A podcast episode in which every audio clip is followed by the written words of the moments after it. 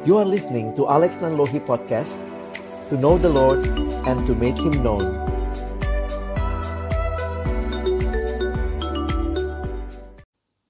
Mari kita berdoa sebelum kita membaca merenungkan firman Tuhan. Kami datang dalam ucapan syukur kepadamu ya Tuhan. Terima kasih banyak. Tuhan memberikan kesempatan bagi kami untuk bersama-sama kembali mendengarkan kebenaran firman-Mu. Kami percaya firman-Mu adalah pelita bagi kaki kami, terang bagi jalan kami, menolong kami di tengah-tengah dunia yang gelap ini, menuntun langkah-langkah kami, agar kehidupan kami boleh menjadi kehidupan yang memuliakan Tuhan. Berkati baik hambamu yang menyampaikan, semua kami yang mendengar, Tuhan tolonglah, agar kami bukan hanya jadi pendengar-pendengar firman yang setia, tapi mampukan dengan kuasa dan pertolongan dari rohmu yang kudus, kami boleh dimampukan menjadi pelaku-pelaku firman-Mu di dalam kehidupan kami, di dalam masa muda kami. Bersabdalah ya Tuhan, kami umat-Mu sedia mendengarnya. Di dalam satu nama yang kudus, nama yang berkuasa nama Tuhan kami Yesus Kristus, Sang Firman yang hidup, kami menyerahkan pemberitaan firman-Mu. Amin. Kita bersyukur kepada Tuhan buat kesempatan kembali boleh belajar kebenaran firman Tuhan. Di dalam kehidupan ada begitu banyak keputusan yang harus kita buat. Dan apakah yang menjadi pedoman di dalam kita memutuskan setiap hal yang akan menjadi pilihan yang akan kita ambil? Tentunya firman Tuhan seharusnya menjadi pelita bagi kaki kita, terang bagi jalan kita di tengah dunia yang gelap ini. Sebagai orang-orang muda, mari kita kembali boleh belajar apa yang disampaikan di dalam kebenaran firman Tuhan. Namun ada satu bagian juga yang menarik yang kita akan lihat sama-sama di dalam kitab Yakobus. Yakobus pasal yang pertama kita akan melihat di dalam ayat yang kelima sampai dengan ayat yang kedelapan. Yakobus pasal yang pertama ayat yang kelima sampai ayat yang kedelapan. Tetapi apabila di antara kamu ada yang kekurangan hikmat, hendaklah ia memintakannya kepada Allah yang memberikan kepada semua orang dengan murah hati dan dengan tidak membangkit-bangkit, maka hal itu akan diberikan kepadamu. Hendaklah ia memintanya dalam iman dan sama sekali jangan bimbang. Sebab orang yang bimbang sama dengan gelombang laut yang diombang-ambingkan kian kemari oleh angin. Orang yang demikian janganlah mengira bahwa ia akan menerima sesuatu dari Tuhan. Sebab orang yang mendua hati tidak akan tenang dalam hidupnya. Bagi kita yang percaya kepada Tuhan, tentunya relasi dengan Tuhan begitu penting, mendasari di dalam kita mengambil setiap keputusan. Kita butuh bergantung kepada Allah, mengandalkan Dia untuk setiap keputusan yang kita ambil. Kita perlu menjadikan Tuhan sebagai satu-satunya yang utama di dalam kehidupan kita. Kita perlu meminta hikmat dari Tuhan sehingga kita tidak berjalan dengan hikmat kita sendiri dan memintanya di dalam keyakinan dan kita pun boleh tidak terombang-ambingkan oleh berbagai pilihan yang hanya berdasarkan hikmat dunia yang terbatas yang terbelenggu di dalam dosa. Nah, tema hari ini saya ingin ajak kita memikirkannya di dalam relasi kita tentunya dengan Tuhan ketika kita memikirkan siapa yang tepat untuk menjadi pasangan hidup kita, pacar kita, dan bagaimana kita bisa melihatnya di dalam terang kebenaran firman Tuhan. Nah, kita akan sama-sama melihat apa yang menjadi rancangan Allah terlebih dahulu bagi kehidupan pernikahan. Mengapa kita berbicara pernikahan? Bukankah kita sedang berbicara siapa yang tepat untuk menjadi pacar kita? Maka kita harus melihat bahwa tujuan pacaran di dalam Alkitab secara khusus dikaitkan dengan pernikahan. Waktu kita membaca di dalam kejadian pasal yang kedua, ayat yang ke-18, dikatakan, Tidak baik kalau manusia itu seorang diri saja Aku akan menjadikan baginya penolong yang sepadan. Nah, kalau kita perhatikan ayat ini, pertama kali di Alkitab kita muncul istilah tidak baik. Setelah semuanya Tuhan cipta, dia katakan baik, baik, baik, dan sungguh amat baik.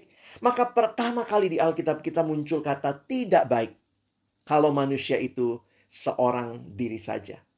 Ada satu rancangan yang indah yang Tuhan berikan bahwa manusia kita adalah makhluk sosial. Manusia membutuhkan manusia lainnya. Dan di dalam anugerah Tuhan, Tuhan juga mempertemukan kita dengan pasangan yang Tuhan kehendaki.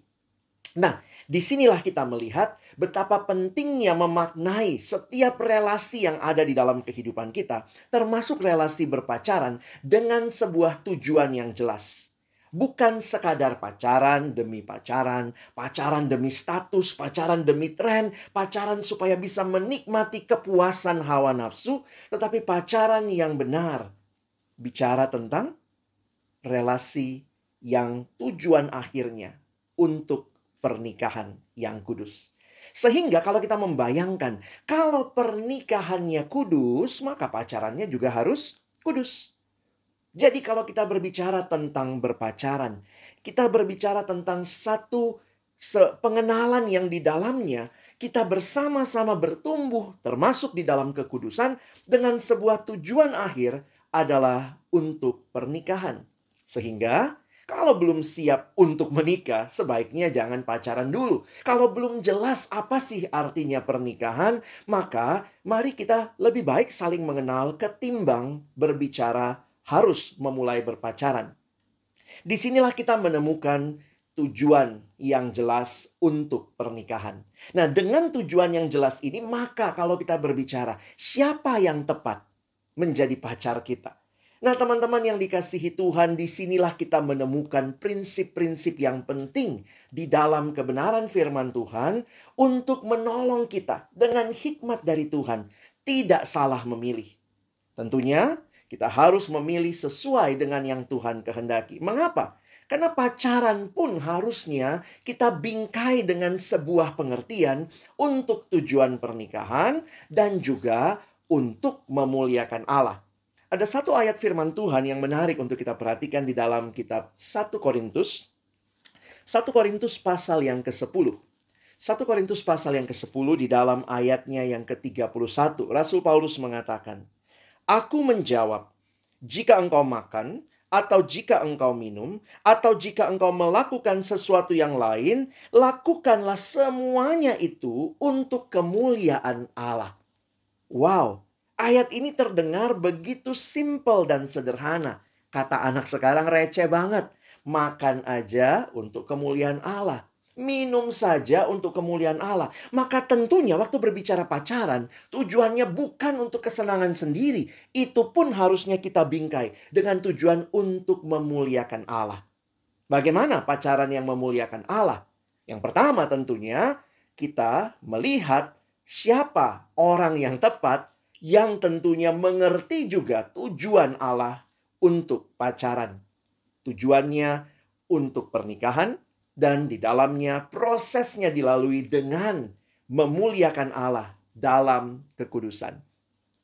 Secara sederhana, generasi ini sering kali berbicara pacaran dengan tujuan-tujuan yang sangat terbatas. Oh, cuman pingin status, cuman pingin deket, cuman pingin kenal lebih dalam, tapi nggak jelas apa tujuan akhirnya. Lalu kemudian yang terjadi karena itu yang dicari adalah orang yang sekadar romantis, cakep, cantik, orang yang kayaknya penampilannya oke. Apakah hanya itu batasan-batasan untuk kita mencari pasangan hidup. Harusnya kita melihat ada hal-hal yang jauh lebih mendasar yang Alkitab sampaikan kepada kita. Saya ingin mengajak kita melihat akan beberapa hal penting yang teman-teman harus pertimbangkan jika engkau berkata sudah siap memulai pacaran dengan orang yang tentunya Tuhan kehendaki.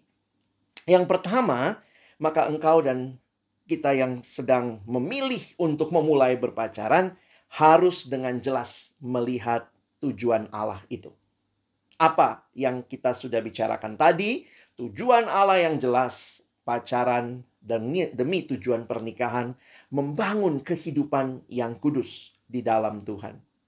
Yang kedua, maka kita harus mencari orang yang tepat. Tentunya, beberapa kriteria yang Alkitab berikan. Yang pertama, lawan jenis. Wah, ini harus jelas. Dulu saya biasanya mengatakan yang paling penting anak Tuhan, tetapi kalau sesama jenis tentunya bukan itu yang Tuhan kehendaki. Sehingga yang pertama, lawan jenis. Yang kedua, kita berbicara orang yang mengenal Tuhan dan bukan hanya kenal tetapi dia juga bertumbuh di dalam Tuhan. Sehingga kita tidak mencari pasangan yang tidak seiman. Berpacaranlah dengan yang seiman yang seiman dan bertumbuh.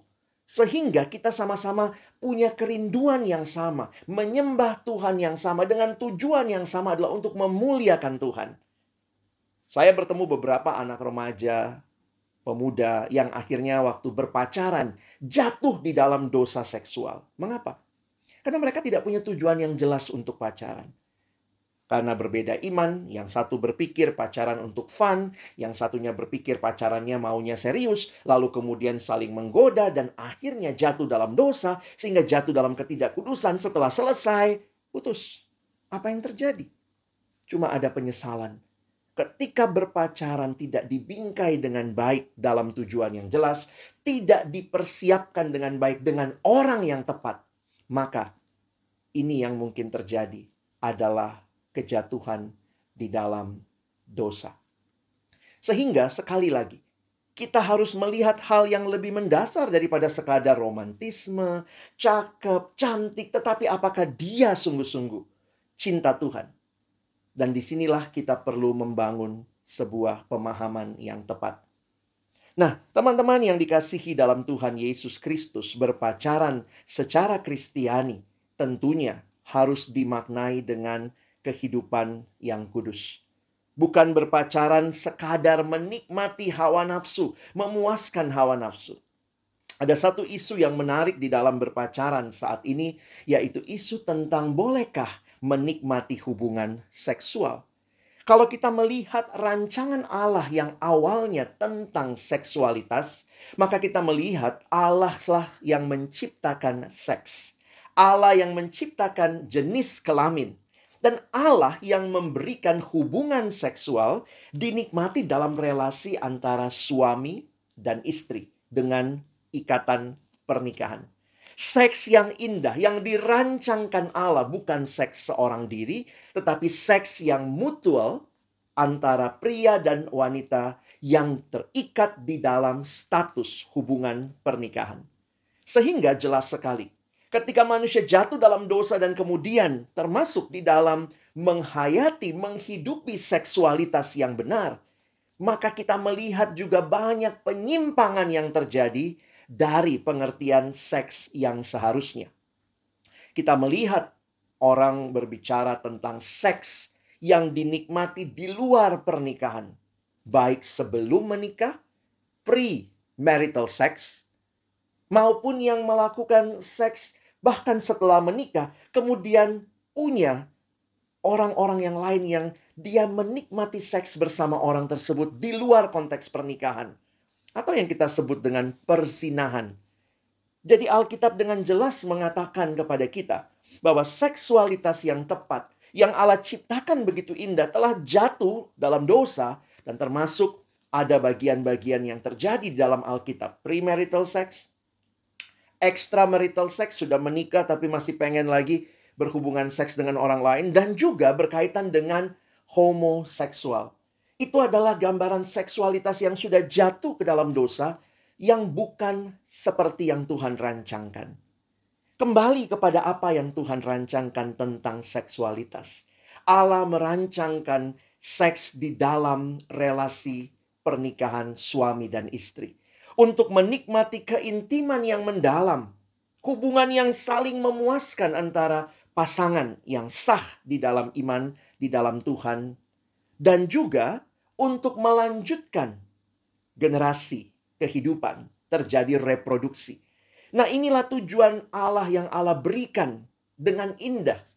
Tetapi sekali lagi manusia dengan hikmatnya sendiri menikmati seksualitas di luar hal yang semestinya solo seks, masturbasi. Secara nyata waktu kita lihat prinsip Alkitab tidak sesuai dengan rancangan awal Allah. Harusnya bagi yang masih single, menahan diri, menahan nafsu, dan tidak melampiaskan hawa nafsunya. Tetapi di sinilah kita melihat bagaimana dosa merusak. Belum lagi dengan pornografi yang dinikmati. Fantasi-fantasi seksual yang tidak sesuai dengan kehendak Allah. Harusnya yang memenuhi pikiran kita adalah pasangan kita, bukan gambar-gambar orang lain yang sedang tidak berbusana, atau gambar-gambar atau film-film orang lain yang sedang berhubungan seksual dan itulah gambaran mengerikannya seksualitas. Tidak heran beberapa remaja yang tidak memahami seks yang sesungguhnya bahkan menikmati berpacaran di dalam hubungan seks yang belum seharusnya dinikmati. Itu seperti buka kado sebelum ulang tahun sehingga tidak ada lagi excitementnya karena apa? Karena rasanya sudah basi. Sesuatu yang harusnya dipertahankan hidup kudus di dalam pernikahan telah dinikmati tanpa relasi pernikahan, tanpa komitmen. Seks yang dinikmati di luar hubungan pernikahan menjadi seks yang cenderung menyakitkan, cenderung saling mengkhianati. Di sinilah kita belajar melihat bahwa apa yang Allah rancangkan bukanlah membatasi kita. Seringkali kita berpikir, ah kenapa Tuhan gak izinkan hal yang nikmat tapi tidak boleh dinikmati. Tuhan memberikan semuanya di dalam waktunya. Sehingga taat kepada kehendak Tuhan menjadi satu kebebasan yang sesungguhnya. Sementara melakukan sebelum waktunya sering kali malah justru mengikat kita di dalam belenggu dosa. Jika ada teman-teman adik-adikku yang mengalami pergumulan ini dan mungkin sudah jatuh di dalam dosa-dosa seksual, mari datang dan minta ampun sungguh-sungguh di hadapan Allah. Firman Tuhan Mazmur 32 ayat yang kelima. Daud mengingatkan kita, waktu aku datang dengan dosa-dosaku, ku beritahukan kepadamu. Maka janji Tuhan, dia akan mengampuni pelanggaran dan dosa-dosa kita. Tuhan memberikan pemulihan untuk kita bangkit dan kemudian hidup bagi Allah. Apa yang kita sama-sama ingin perhatikan hari ini?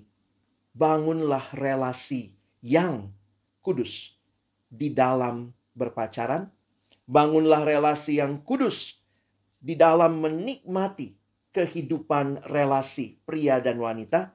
Dan nantikanlah di dalam waktunya Allah seksualitas, hubungan seks yang indah, yang intim, yang memuaskan akan kita nikmati dengan pasangan yang tepat, yang diikat dalam sebuah janji pernikahan di hadapan Tuhan.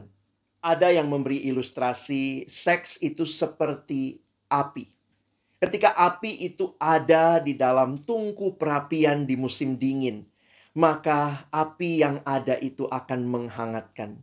Sementara ketika api itu di luar tungku itu, malah mungkin akan bisa menjadi api yang menghanguskan dan membinasakan. Seks yang dinikmati di dalam konteks pernikahan akan menjadi sebuah keindahan.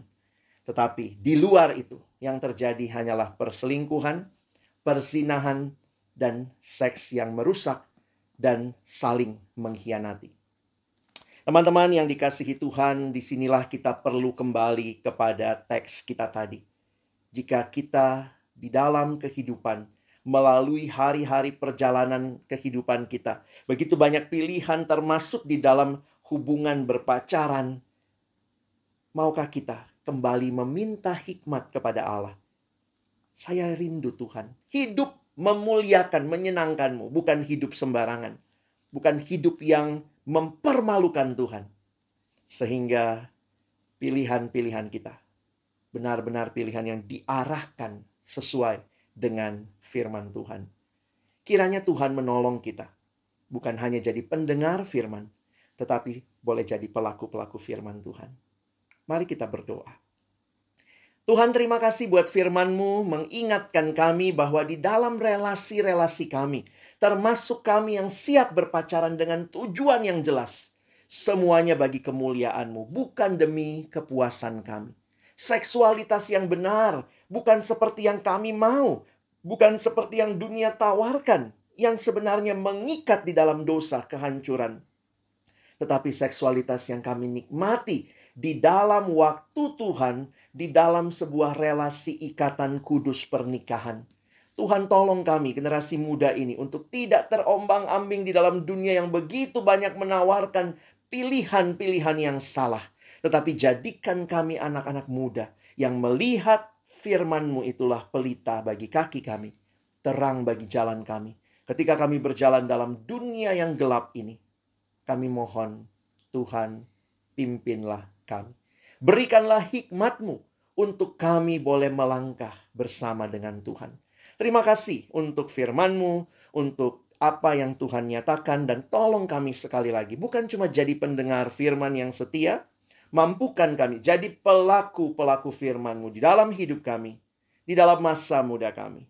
Di dalam nama Tuhan Yesus kami bersyukur, kami berdoa. Amin.